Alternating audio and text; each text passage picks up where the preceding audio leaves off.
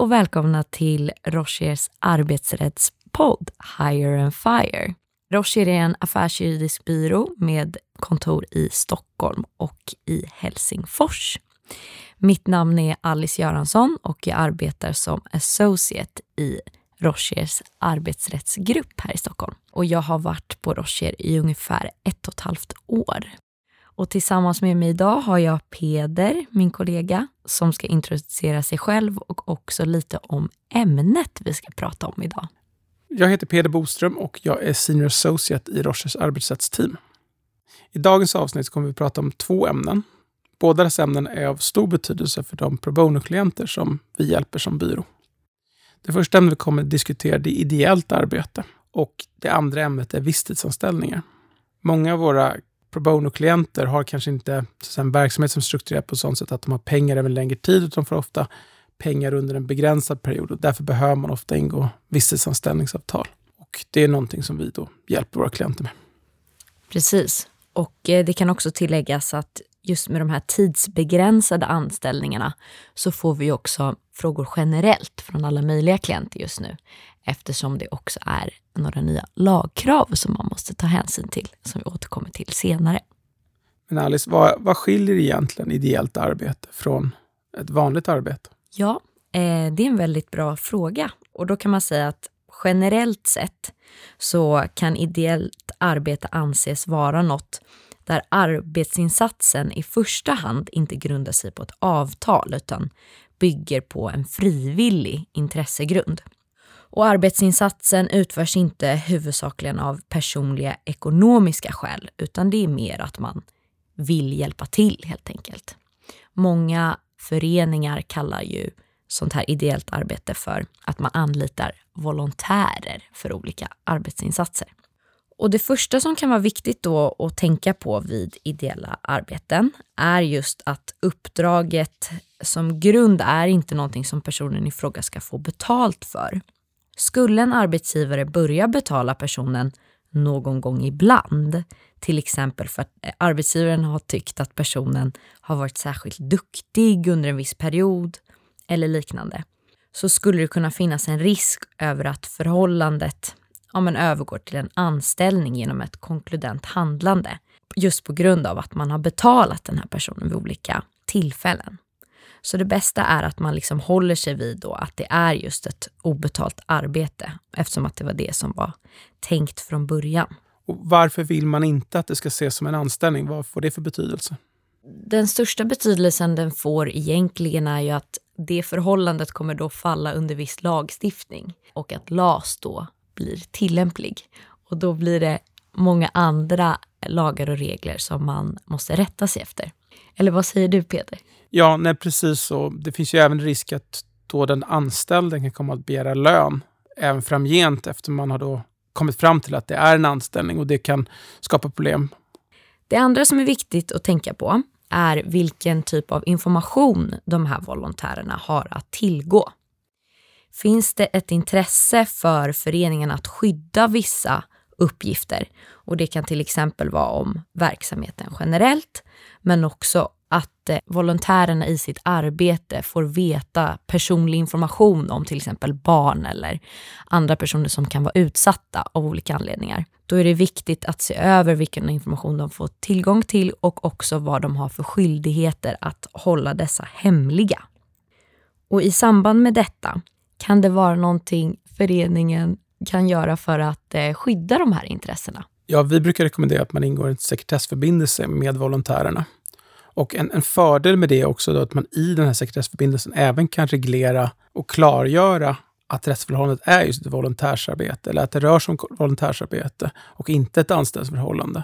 Och det kan vara svårt annars att få till liksom ett avtal med volontären om man då inte har det. Så det följer egentligen ett dubbelt syfte kan man säga. Precis. Och i det här sekretessåtagandet så skulle man också kunna få volontären att bekräfta att man följer uppförandekoden, om det finns en sån, eller andra policies på själva arbetsplatsen.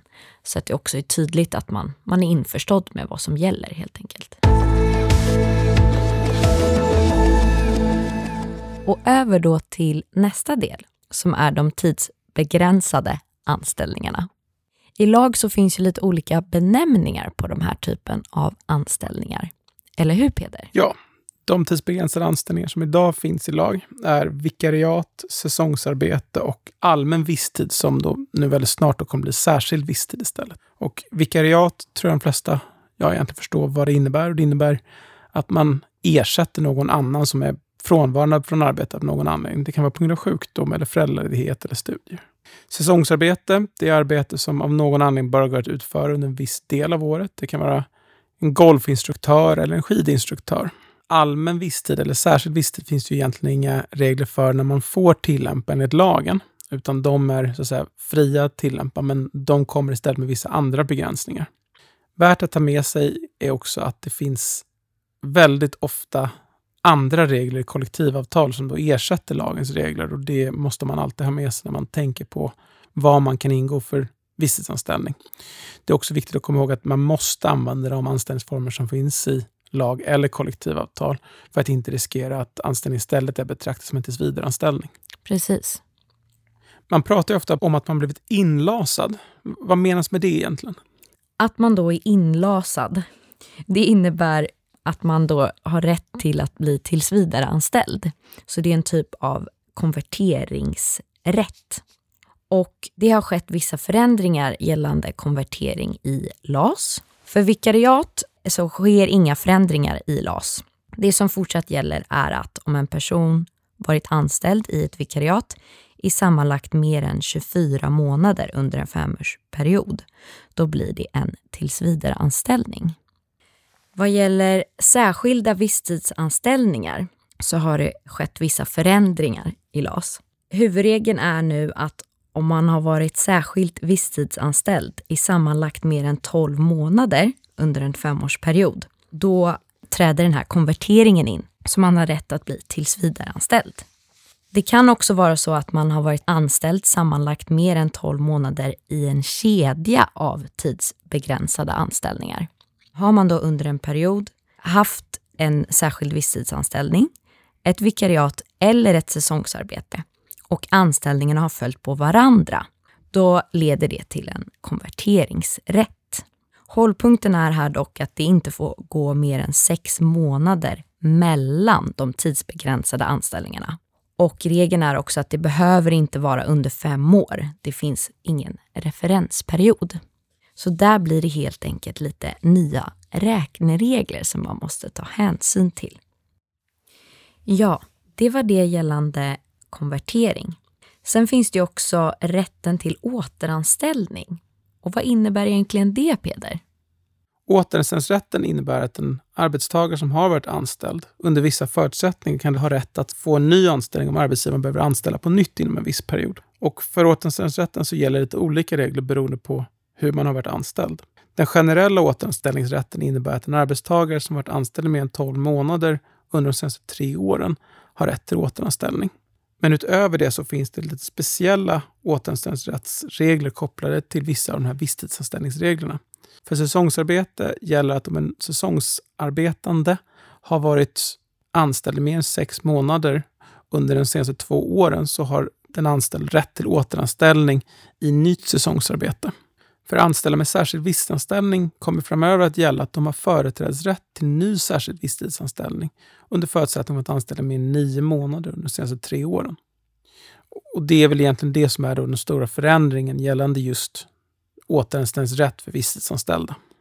Så att i realiteten kommer ju många anställda ha ett, ett visst begränsat anställningsskydd som visstidsanställda redan efter nio månader. Och utöver detta har det väl också skett en viss förändring vad gäller intermittent anställning? Ja, det är vad man normalt brukar kalla timanställningar eller intermittent visstidsanställning. De anställningarna där man så att säga bara har ett anställningsförhållande när den anställde är inne och arbetar. Och det här är ju något som man har velat motverka för man tycker väl att det skapar en väldig otrygghet för de anställda. Så därför har man ändrat hur de reglerna fungerar. Och de nya reglerna innebär att om en person är anställd vid mer än tre tillfällen i en särskild visstidsanställning under en månad, så kommer även den mellanliggande perioden att räknas med i anställningstiden och därmed konvertera snabbare till en tillsvidareanställning som varit fallet tidigare. I och med att det har skett förändringar i lag så måste man ju också ta hänsyn till övergångsbestämmelserna. Och vad är det egentligen som gäller där, Peder? Jo, att om man har en allmän visstidsanställning som pågår den 1 oktober, då gäller de gamla reglerna angående konvertering till en tillsvidareanställning för den anställningen. Däremot om det är så att man ingår en särskild visstidsanställning efter den 1 oktober så börjar de nya reglerna gälla. Men det är också så att tid i allmän visstidsanställning från 1 mars 2022 kommer det också att räknas med vid beräkningen av anställningstiden i den särskilda visstidsanställningen. Så det är viktigt att liksom, komma ihåg hur man räknar här så att om det inte är avsikten att en anställning ska övergå till en tillsvidareanställning, att man inte låter den anställde som arbetar för länge för att riskera att aktualisera de här konverteringsreglerna. Precis. Och Sen kan man också återigen bara poängtera det att det är väldigt viktigt att man håller koll på om man har kollektivavtal eller inte och också vad det kollektivavtalet innebär. För att både vad det gäller anställningsformerna, återanställningsrättsreglerna och konverteringsreglerna så kan det finnas andra regler i kollektivavtal. Så man måste alltid kolla vad som står i kollektivavtalet i den situationen. Ja, och som sammanfattning och avslutning så kan vi för det första då konstatera vad gäller ideella arbeten så är det viktigt att man i en förening som använder sig av volontärer då till exempel, att man tydliggör vad som gäller för den här formen. I dessa sammanhang kan man överväga att skriva ett sekretessåtagande för de som är volontärer inom verksamheten.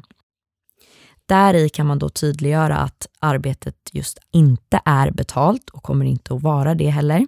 Man kan också tydliggöra att man måste följa uppförandekoder och andra policies och sånt som kan finnas inom verksamheten. Och det tredje man kan tydliggöra då är att man inte får dela information vidare om verksamheten eller annan känslig information som man kan få ta del av under sitt uppdrag.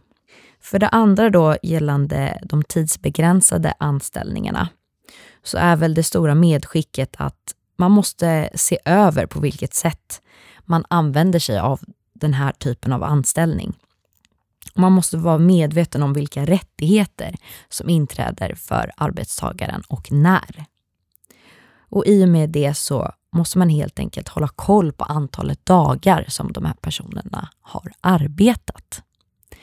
Så det är det stora medskicket gällande det. Det var allt vi hade att bjuda på idag. Våra kontaktuppgifter finns på vår hemsida. Och tack för oss. Tack, hej då.